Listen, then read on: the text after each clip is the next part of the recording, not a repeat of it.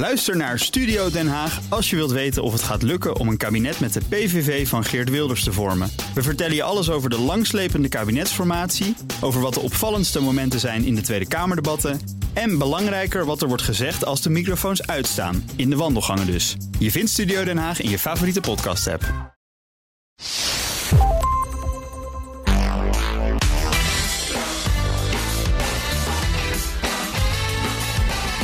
Welkom bij de Ben Tichelaar podcast. De podcast over persoonlijke en professionele ontwikkeling.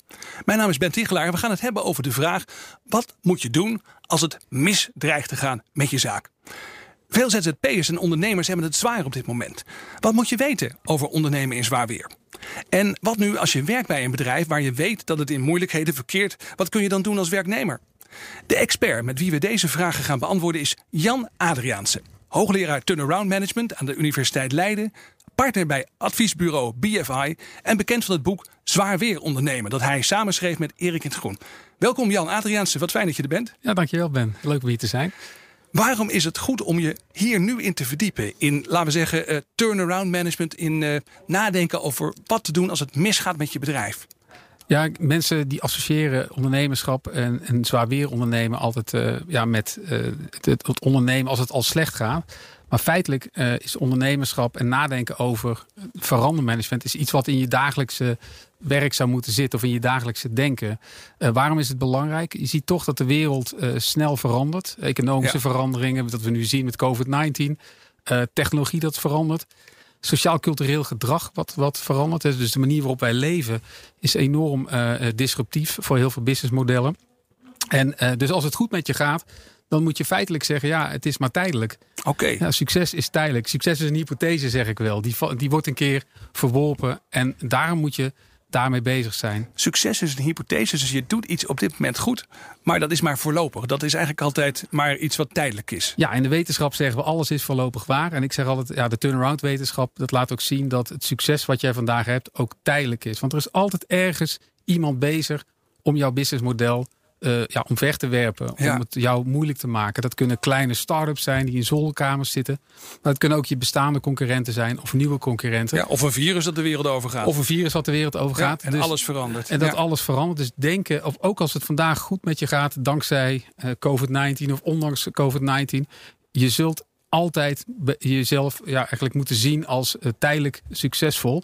En dat leert de wetenschap ook, de turnaround wetenschap, dat heel veel bedrijven die uiteindelijk failliet gaan, die hebben die vraag eigenlijk niet gesteld. Die dachten dat succes de norm was, terwijl falen misschien wel de norm is. Falen is inderdaad de norm. Zo ja. zou je kunnen zeggen ja. dat, dat veel meer bedrijven falen. Alleen wat we zien natuurlijk op tv, in de media, dat zijn ja. de bedrijven die succesvol zijn. En in de managementboeken natuurlijk gaat het altijd over succes. En managementboeken gaan altijd over succes. Uh, terwijl falen de norm is. Dus eigenlijk zouden de meeste managementboeken moeten gaan om falen en hoe je dat kan voorkomen. Dan dat het gaat om ja, successtories. Waarbij eigenlijk de belofte altijd is: nou, als je deze vijf of acht stappen maar volgt, dan word jij ook succesvol. Ja. Jij hebt bedrijfskunde en rechten gestudeerd. Allebei heel erg nodig als je bezig bent met turnarounds. Maar ik begrijp dat je ook uit een ondernemersgezin komt. Heb je ook van dichtbij gezien dat het soms heel stressvol kan zijn? Jazeker. Ja, mijn vader had een transportbedrijf. En uh, ja, echt een typisch familiebedrijf. Uh, een MKB-onderneming. En ik heb daar het mooie van ondernemerschap gezien. Hè, dat je zelf iets kan creëren. Maar ik heb natuurlijk ook de onzekerheid gezien. Ja. En de stress die dat soms uh, teweeg bracht. Dus in die zin, uh, als ik ook reflecteer over bedrijven, dan heb ik altijd wel ergens ja, die kleine MKB-onderneming van de familie Adriaans in mijn achterhoofd. Ja, precies. Ja, je weet van dichtbij hoe dat soms uh, voelde. Ja, wat, wat zijn nou, uh, als je nou in een bedrijf zit op dit moment, of je bent ZZP'er, of je werkt bij een bedrijf. Wat zijn dan de, nou noem het maar rode vlaggen? Wat zijn nou de dingen waarvan je zegt, daar moet je op letten? Want dat zou, dat zou wel eens het teken kunnen zijn dat het succes aan het ophouden is. En dat het missie wel aan het misgaan is. Wat zijn early warning signals, zal ik maar zeggen? Ja, early warnings is een beetje de holy grail hè, en, ja. als het gaat om, uh, om turnaround management. Uh, wat ik zelf altijd zeg is dat wij een enorme fixatie hebben in het bedrijfsleven op cijfers. Dus we kijken ja. naar de winst- en verliesrekening, de cashflow-prognose voor de korte termijn. Terwijl als je echt naar early warnings kijkt, dan zul je veel moeten kijken naar kwalitatieve indicatoren. Dus bijvoorbeeld, okay. wat zijn de trends en ontwikkelingen in de omgeving van die onderneming op dit moment? Um, als wij uh, nieuwe spelers in onze bedrijfstak zien verschijnen, hoe reageren wij daarop? Wat uh, in de organisatie zien wij? Uh, is het meteen urgentie van, oh, we ja. moeten daarop reageren? Of wat ik zelf veel bij bedrijven heb gezien, dat er toch vaak een wat latente houding is van, nou ja, ach, het zijn kleine spelertjes. Het zal Mhm. allemaal wel goed komen. Ik heb wel eens een een manager horen zeggen van een heel groot bedrijf. Die zei, nou ja, weet je, we gunnen die start-ups ook wel wat marktaandeel. En drie jaar later was het bedrijf weg. En hadden die start-ups hadden die business overgenomen. Maar wat, wat is dan de goede houding? Moet je dus er gestrest van raken? Of moet je het maar laten gaan? Of is er een goede middenweg? Er is een goede middenweg en die heet paranoïde optimisme. Paranoïde optimisme. Ja, die klinkt ik, mooi. Ja. Ja. en ik heb hem geleend van de CEO die Nokia heeft gered van de ondergang. En Oké. Iedereen kent het verhaal van Nokia, de mobiele telefoons, uiteindelijk gecrushed door eh, Ja. Apple. Er was een tijd dat als je zeg maar landde ergens met een vliegtuig, toen iedereen ook nog gewoon vloog zonder dat hij daar eh, vliegschaamte bij had, dan hoorde je al die telefoons aangaan weer bij het landen. En dat was dat Nokia-deuntje. Iedereen zeg maar had, de, had een Nokia in die tijd. Iedereen had Ja. een Nokia. En Ja. FFN Nokia gebruikers, die kun je, anno vandaag kunnen ze nog het type nummer opnoemen waar ze helemaal gek van waren. Ja. En Nokia was, ja, dat was natuurlijk het, het mobiele telefoonbedrijf eh, in, ja, wat was het, eh, einde van de jaren negentig, begin van het millennium. Dat bedrijf kwam in de problemen toen Apple met de smartphone kwam. Nou, iedereen kent dat verhaal wel. Ja. Uiteindelijk is Nokia succesvol, heeft hij een turnaround gemaakt. Ze hebben de mobiele telefoondivisie verkocht aan eh, Microsoft. En het bedrijf heeft zichzelf volledig opnieuw uitgevonden. Waanzinnig mooi boek over geschreven, over de turnaround van eh, Nokia. Door de CEO die dat heeft Ja. geleid, samen met zijn team natuurlijk. En, en hij En was hij- dus degene die dat zei. Precies, hij dupte de term paranoïde optimisme. En wat wil Ja. hij daarmee zeggen? En ik dacht, ja, dat is eigenlijk weer dat waar ik het net over had, van dat succes tijdelijk is. Hij zegt, wij don't get carried away. Dus op het moment dat we vandaag weer succes hebben en dat bedrijf maakt weer miljarden aan omzet en is buitengewoon succesvol, moeten we altijd in ons achterhoofd hebben dat succes tijdelijk is. Dus we moeten, we moeten optimistisch zijn, we mogen successen vieren, maar we moeten ook altijd een beetje om ons heen kijken, achter ons om kijken, alsof je paranoïde bent. Ja, want er is nou eenmaal concurrentie. We leven in een open markt. Er zijn nieuwe mensen die kijken Precies. jaloers naar jouw marktaandeel. Die willen ook daar iets van. Ja. Het enige Ja. wat ze bezig zijn, is je concurrent, is proberen om marktaandeel af te snoepen. Eigenlijk om je concurrent eh, te crushen. En eh, dus ik vind paranoïde optimisme vind ik wel een mooie, mooie achtergrond. Overigens, ik las recentelijk dat de CEO van Volkswagen Groep, Ja. dat die ook heeft gezegd van ja, ik hou er rekening mee dat wij over 50% kans dat wij over 10 jaar niet meer bestaan. Moet je je voorstellen dat Ja. CEO van Volkswagen Groep, de grootste eh, fabrikant van auto's eh, ter wereld en trucks. En dat hij dat durft te zeggen. En ja, de reden is toch denk ik dat hij daarmee urgentie Ja. in zijn onderneming wil brengen. Dat het succes wat ze vandaag hebben tijdelijk is. En dat Ja. het niet een vanzelfsprekendheid is. Shell op dit moment ook ja, aan het nadenken over de toekomst. Als je een Ja. paar jaar geleden had gezegd... zou Shell ooit in de problemen komen of verlies maken... hadden mensen je uitgelachen. En nu zie je het. En daarmee zeg ik niet dat Shell weg is over een paar jaar. Wie ben ik om dat eh, te vinden? Dat, daar weet ik te weinig van. Maar het gaat erom dat je de urgentie voelt... en dat je altijd nadenkt... is dit succes wat we vandaag hebben... is dat tijdelijk Ja. of is het, eh, ja, is het long lasting? En het is natuurlijk tijdelijk. Dus dat Ja. is wat je, waar je heel, aan moet heel, denken. heel belangrijk punt om daar eens mee te beginnen. Maar goed, nou gaan we een stapje verder. Nou, zijn er misschien al wel signalen dat er iets niet goed gaat in de markt? En dan begrijp ik, ook uit je boek, ehm, dat er best veel ondernemers zijn die dat te laat zien. Die te laat eigenlijk zien dat het niet goed gaat met hun eigen bedrijf. Zelfs wanneer andere mensen al zien dat het niet lekker gaat, dan zijn er vaak een hoop ondernemers die het nog niet zien. Hoe komt dat? Ja, dat is een goede. Dat is een, dat is een beetje ook weer zo'n holy grail vraag. Hè, van als we dat zouden weten. Ja. Maar we hebben wel aanwijzingen. En ehm, kijk, de simpele, het simpele antwoord zou zijn dat die ondernemers of managers dat die eigenwijs zijn. Of eh, dat ze nou ja, wil macho zijn. Of dat ze Ja. niet willen zien. Hè. Dat, dan kom je een beetje in de termen van mismanagement of wanbeleid. Ik geloof daar niet in. Waar het mee te maken heeft is eh, twee dingen. Eén is eh, wat ze in de psychologie noemen curse of succes. Dat Ja. is het feit dat als jij maar lang genoeg succes hebt, dan, kun, dan kan jouw hoofd gewoon niet aan. Jouw hoofd, jouw hersenen, die kunnen zich niet voorstellen dat er een moment in de tijd gaat komen dat jij niet meer succesvol bent. Ja. En dat maakt dat men vaak eh, lang wacht. Tweede aspect wat kan spelen is, dat komt ook uit de, meer uit de psychologie. En dat heeft ook te maken met hoe jouw persoonlijkheid is. Dus jouw Mhm. persoonlijkheid, of jij bijvoorbeeld een externe locus hebt, zoals dat heet, of een interne locus. Kortom, als jij naar buiten kijkt en je, jij kijkt naar die wereld en denkt, is die wereld nou, ja, kan ik daar grip op krijgen? Ja. Of denk jij als je naar buiten kijkt van joh, ik stroop mijn mouw op en eh, ik ga ervoor. Dus jouw persoonlijkheid kan Ja. al van invloed zijn op hoe jij waarneemt. Dus Dus of je gelooft is. dat jij zeg maar de baas bent over wat er gebeurt, of dat de Exact. omstandigheden de baas zijn over jou. Precies. Ja. En wat onderzoek nou laat zien, en wij zijn er in Leiden ook mee bezig, dat is dat die combinatie van die persoonlijkheid, eh, bijvoorbeeld ook jouw ervaring met crisis, hè, of je wel of niet Ja. ervaring hebt met eerdere momenten in jouw loopbaan dat je in een turnaround situatie hebt gezeten, maar ook jouw achtergrond, heb je een financiële achtergrond, heb je een marketingachtergrond, dat al die factoren kunnen van invloed zijn op hoe jij de onderneming waarneemt. En Ja. dat maakt dus dat jij misschien zelf ook onbewust denkt, het valt wel mee. Terwijl de buitenwereld denkt van, jemig, deze tent staat in brand. Dus ik wil maar zeggen dat ehm, op het moment dat managers, ondernemers laat ingrijpen, dan bestaat een neiging om dat heel erg te labelen hè, op de personen in de zin van negatief mismanagement. Ja, ja. Terwijl ik denk dat het even subtieler zit. Dus dat het ergens ook in onbewuste denkpatronen zit. Ja, en daar moet je natuurlijk bewust van zijn. Vandaar ook weer Precies, paranoïde ja, optimisme. Iemand, en iemand moet je dat vertellen. Iemand moet je dat vertellen. Maar Exact. Wie, wie moet je dat vertellen? Als ik nou bijvoorbeeld medewerker ben, ik luister hiernaar. Ik denk, ja, dat is allemaal interessant, maar ik ben zelf geen ondernemer. Maar ik werk wel binnen een onderneming. Als jij nou ziet als medewerker dat het eigenlijk niet lekker gaat, is het dan überhaupt makkelijk om dat te laten weten aan, eh, aan je leidinggevende of aan je ondernemer, zal ik, zal ik maar zeggen? Nee, dat is heel moeilijk. Omdat Ja. hè, dus ondernemers eh, waar ik vaak ook kom als adviseur, die, die, die zeggen ook vaak: ik snap er niks van, want mijn deur staat altijd open en Ja. niemand komt er binnen. En dan zeg ik ook vaak: ja, maar bouw je ook echt aan een cultuur waarin het normaal is dat medewerkers, ook de junior medewerkers, of voor mij met de medewerkers die niet in managementfuncties zitten, maar eh, de, de vrachtwagenchauffeur of de, de heftruckchauffeur Ja. in de bedrijfshal, dat hij of zij bij jou binnen kan, kan lopen. In, in, niet zozeer in de letterlijke zin, maar ook in de figuurlijke zin. En dan kom je op het gebied van ook over psychologische veiligheid. Precies, Die je ja. moet hebben. Dus Ja. dat, mensen, dat je een cultuur moet bouwen waarin het heel normaal is dat je met elkaar praat over succes, over falen, over angsten, over bedreigingen die je ziet. En dat het niet uitmaakt wie daarmee mee komt. Ik noem Ja. het zelf wel eens de wisdom of the company crowd. Je moet veel meer gebruik maken van de wijsheid die in die onderneming De zit. mensen in de magazijnen, de mensen langs de weg zitten, de mensen Precies. die praten met klanten, Ja, hè, ja. bij die, die de klachtenlijn misschien bemannen, die, die weten misschien wel veel eerder wat er eigenlijk mis aan het gaan is Ja. dan de mensen in de top. Absoluut. En, Ja. en, en je kunt heel simpel, ook tegenwoordig met technologie, met kleine toeltjes of anderszins kun je mensen ook bewegen om, om met dat soort ideeën te komen. Maar het belangrijkste is om ze te betrekken in gesprekken. Ik moet zelf altijd denken aan Burger King, die een paar jaar geleden eh, een hele topmanagement heeft eh, gewisseld.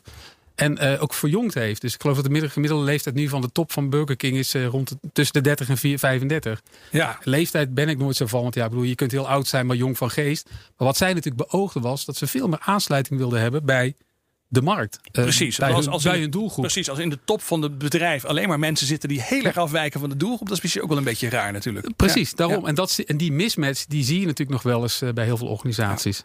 Je luistert naar de Ben Tichelaar podcast bij BNR. Met in deze aflevering de vraag: wat moet je doen als het misdreigt te gaan met je zaak? We hebben het net gehad over de rode vlag waar je op moet letten. En we gaan het nu hebben over het stabiliseren van de situatie. Want hoe ga je nou eh, op de rem trappen en de weg weer terugvinden naar boven als bedrijf als het niet lekker gaat? Ik bespreek het met Jan Adriaanse, hoogleraar turnaround management aan de Universiteit Leiden. Stabiliseren. Eh, zorgen dat je eigenlijk zeg maar een pas op de plaats maakt en daarna weer de weg naar boven vindt. Wat komt daarbij kijken? Wat moet je doen als ondernemer? Het gaat allereerst om urgentie. Dus je moet urgentie bij jezelf voelen, urgentie bij je, bij je medewerkers eh, leggen. Stabiliseren gaat over, natuurlijk gaat het gewoon over in de kosten snijden. Maar, dat leert onderzoek ook weer, niet rukzichtloos met de kaarschaver overheen. Dus, dus vanuit een bepaalde visie. En Ja. Wat zijn de problemen? Waar moeten we naartoe? En vanuit, vanuit dat vertrekpunt ga je je kostensaneringsprogramma inzetten. Doe je dat alleen? Moet je met de bank praten, met je accountant? Want ik bedoel, dat, dat red je vaak toch niet alleen. Dit Nee, nee, dus stakeholders betrekken. Zowel intern, dus, dus medewerkers. Hè, ik zeg het wel eens het decentraliseren van de turnaround. Dus medewerkers door de Ja. hele organisatie betrekken op, op, op de een of andere manier. Je kan natuurlijk niet een Poolse landdag creëren. Maar wel veel meer gebruik maken van eh, de mensen in de organisatie. En daarnaast inderdaad praten met externe stakeholders. En als je een kleine onderneming bent en die, eh, d- d- bijvoorbeeld ook met, of dat kan ook met grote onderneming trouwens. Eh, praten met collega-ondernemers. Ook wel Ja. ondernemers uit andere bedrijfstakken. Die op een hele andere manier naar jouw business kijken. Naar jouw bedrijf, naar jouw bedrijfstak. En inderdaad wat je zegt, eh, met de bank ook praten. Als, je belangrijk, eh, of als het een belangrijke stakeholder voor je is. Ja. Ga met hem praten. En ik weet dat ondernemers en, en bankiers dat dat nog wel eens wil, wil, wil botsen. Zeker Veel in- mensen zien er tegenop hè, om met de bank te praten. Ja. Absoluut. Terwijl ook weer onderzoek leert dat, dat toch de, eh, op het moment dat je vroegtijdig gaat schakelen met, met de bank, met bijzonder beheer, een beetje dat, dat soort eh, situaties, dat je toch uiteindelijk, eh, als je maar een open communicatie hebt, transparantie betracht en een plan hebt en, Ja. en, en daar ook in gelooft en daaraan werkt, dan kun je heel erg ver komen. Dus te lang wachten en in je schulp kruipen, wat, wat je wel vaak ziet, dat is wat er gebeurt. En een ander aspect is, ehm, niet alleen in de kosten, maar ook nadenken over het businessmodel. Dus Ja. wat we heel veel zien is dat ondernemers of ondernemingen, als ze in de problemen komen, gaan ze eerst in de kosten snijden. Eh, en dan, dan zeggen ze, nou weet je, dan gaan we daarna wel nadenken over de positionering, de productmarktcombinaties en noem maar op. Wat laat het onderzoek zien? Als je het tegelijk doet, hè, dus retrenchment en recovery noemen we dat dan. Ja. Dan heb je een grotere Re- kans. retrenchment, dat is snijden. En recovery, dat is bouwen aan de toekomst. Bouwen aan de toekomst. Als je Ja. dat tegelijkertijd eh, toepast, dan heb je veel grotere kans dat je eh, eruit komt. Want anders ben je, ja, ik zeg ik altijd, een beetje de tafels en stoelen op het dek van de Titanic aan het rechtzetten. En Ja, dat schiet natuurlijk niet heel erg op. Maar goed, dat lijkt me dus een van de allermoeilijkste dingen. Want nou wordt er dus van je gevraagd terwijl je in de stress zit. Je bent erachter. Hè? Eh, het gaat echt niet goed met je bedrijf. Dus je hebt nu echt de rode vlaggen ook zelf gezien. Mensen hebben je erop gewezen. Je praat met de bank. Die zeggen ja, het gaat inderdaad niet lekker. We weten niet wat we moeten doen. Zoals heel veel ondernemers misschien op dit moment wel zitten die hier naar luisteren. En dan zeg je dus aan de ene kant snijden in de kosten. En tegelijkertijd nadenken over de toekomst. Maar hoe houden mensen dat op de? Die twee dingen tegelijk. Het is heel moeilijk om dat ook tegelijk te doen. Dus ik, ik begrijp ook als, als dat niet lukt. Het is ook geen waardeoordeel hè, als, ik dat, Nee. als ik dat zo zeg. Maar ik zeg altijd wel, probeer het wel. Want kijk, als je ook tegelijkertijd naast het, het snijden kosten, wat vaak heel pijnlijk is. Want het gaat meestal ook over het afscheid nemen van medewerkers. Andersoortige kosten, saneringen die je toepast. Dat is niet, dat is niet heel fijn. Als je tegelijkertijd een, een soort toekomstperspectief hebt, dat motiveert ook. Dus het Ja. motiveert jezelf en het motiveert ook de mensen in je organisatie. Maar het is heel moeilijk. En ik heb wel gezien dat het soms beter is om bijvoorbeeld het, ja, dat die processen ook wel te scheiden. Dus dat bijvoorbeeld één team, als een wat grote organisatie is, bezig is met de kosten. Ja. En een ander team zich wat meer bezighoudt met de product-marktcombinaties, het businessmodel, eh re, eh, change en dat soort dingen. Ik kan me ook wel iets inderdaad bij voorstellen. Dat je dan echt ook eventjes de focus erin hebt. En als Ja. je het alleen doet, dat je het misschien in verschillende eh, tijdvakken opdeelt of zo. Want als het allemaal door elkaar loopt in je hoofd. Nee, dat- als- dat als gaat ook kleine ondernemer lijkt me dat buitengewoon moeilijk. Nee, dus ik denk dat je als kleine ondernemer ook dat, dat moet proberen om dat een beetje, ja, inderdaad in tijd eh, te scheiden. Dat je het ene moment daarop focust en het andere moment. Maar dat je niet jezelf verliest in een van die twee activiteiten. Oké. Dus, dat, dus je moet proberen om dat toch ja, gezamenlijk te laten. Dat er twee plannen, twee plannen eigenlijk parallel moeten lopen. Ja. Ja, dat is Je, het. je zegt praat met mensen. ehm, en, en wat ik dan ook begrijp is dat het niet altijd slim is. Dat het niet altijd slim is om vooral met mensen uit je eigen branche te praten. Maar dat je ook juist met mensen moet spreken die misschien helemaal niet zo, niet zo heel veel verstand van jouw business hebben. Wa- waarom is dat? Wat, wat helpt dat? Ja, kijk, het, het, het voordeel daarvan is dat, dat zij kijken onbevangen naar de ontwikkelingen in de bedrijfstak. Ja. Je ziet toch heel vaak, en dat is een beetje een paradox, want om succesvol te zijn in de bedrijfstak moet je bepaalde assumpties, eh, aannames hebben over ja, hoe je een bedrijf op hè, en de producten inricht, hè, wat je Ja. klanten willen hebben. Op het moment dat die bedrijfstak echt aan verandering toe, eh, eh, onderhevig is, ja, dan is het dan soms beter om iemand te hebben buiten de bedrijfstak, die niet belast is met die assumpties en die do's en don'ts Ja. in die bedrijfstak. En dat, ja, dat die kijkt daar frisser naar. Mooi voorbeeld is de turnaround van Ford Motor Company. Oké. Daar werd eh, een CEO aangesteld door Bill Ford, dus een van de nazaten van Henry Ford. hoe lang geleden is dit? Praten over 2006, 2007. Oké, dus Ja, vrij, Ford- res- ja, vrij, vrij recent. recent. Ford tenminste in de geschiedenis van Ford. Zeker, gemeten. ja, zeker. En Ja. eh, Ford, eh, even om een beeld te schetsen. Ford stond op de rand van het faillissement op dat moment. Hè.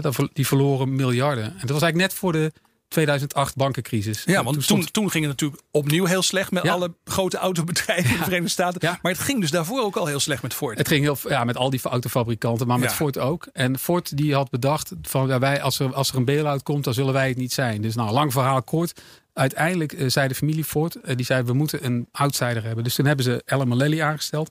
En de CEO die van Boeing kwam. Ja. En die dus niet, ja, je kunt zeggen, een vliegtuig en een auto eh, heeft ook wel parallel, er zit een motor in en ze hebben allebei wieletjes. Maar daar houdt de vergelijking zo ongeveer ja, precies. Ja. Heel En- andere markt. Een Ja. hele andere markt, hele andere mindset. Maar hij had wel een. een dus hij keek heel fris en onbevangen naar, eh, naar die onderneming.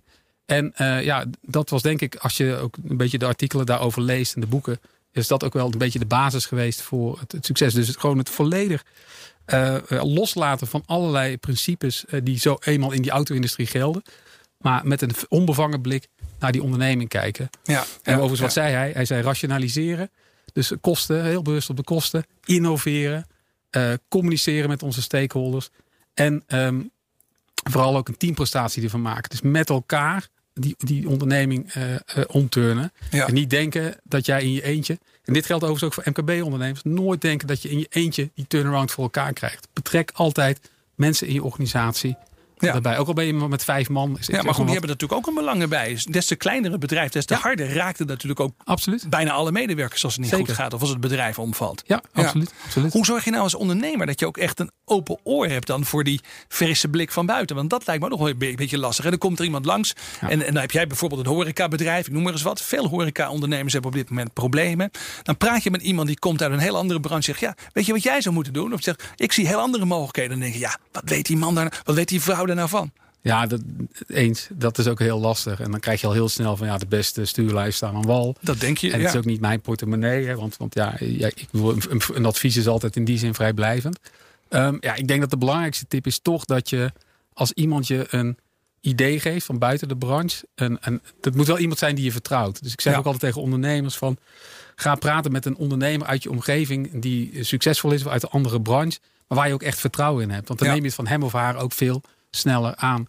Uh, maar dat is, gaat toch om een open mind. Dat je ook durft open te stellen voor ja, die, die, die slechte boodschap die die, onderne of die, die collega-ondernemer jou misschien uh, te brengen heeft. Ja, dat, dat, iemand anders inderdaad net zo goed of misschien beter zou kunnen weten. En dan moet je natuurlijk ook met, je, met, met de billen bloot. Dan moet je ook zeggen, ik heb een probleem op dit moment. Dat is natuurlijk ook in veel ondernemerskringen niet echt populair om dat te doen. Hè? Je wilt misschien gewoon wel laten zien dat het heel goed met je gaat. Ook al gaat het slecht. Ja, je wil altijd laten. Dat is altijd wat ik tegen ondernemers zeg. Ik geef wel eens van die lezingen voor ondernemersclubjes en zo. En dan zeg ik altijd van: Weet je, altijd als ik bij jullie kom en je vraagt niet moet gaan met je bedrijf, dan, dan zeg je altijd: Het gaat goed.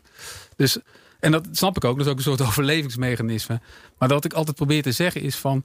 Durf nou ook eens met elkaar over falen te praten. Waar we het er straks over hadden. Falen is de norm. Dus succes is niet de norm, maar falen is de norm.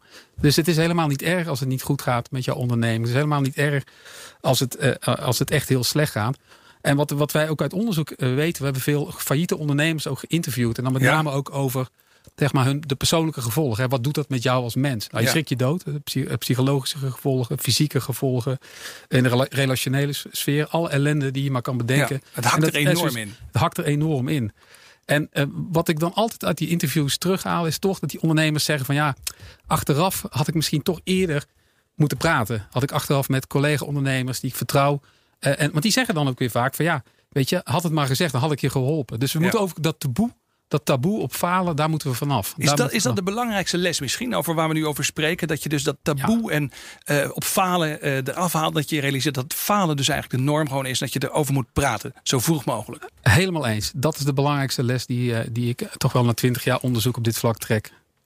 Dankjewel Jan voor je inzicht en je tips. Erg veel geleerd in korte tijd. Heel mooi. Graag gedaan, dankjewel. Dit was de Ben Tichelaar podcast bij BNR. Met als gast deze keer Jan Adriaanse. Vind je deze podcast interessant en wil je één keer per maand de beste tips uit mijn gesprekken en columns ontvangen? Ga dan naar tichelaar.nl slash BNR. Dat is tichelaar.nl slash BNR. En laat je mailadres even achter. Dank voor het luisteren en tot snel.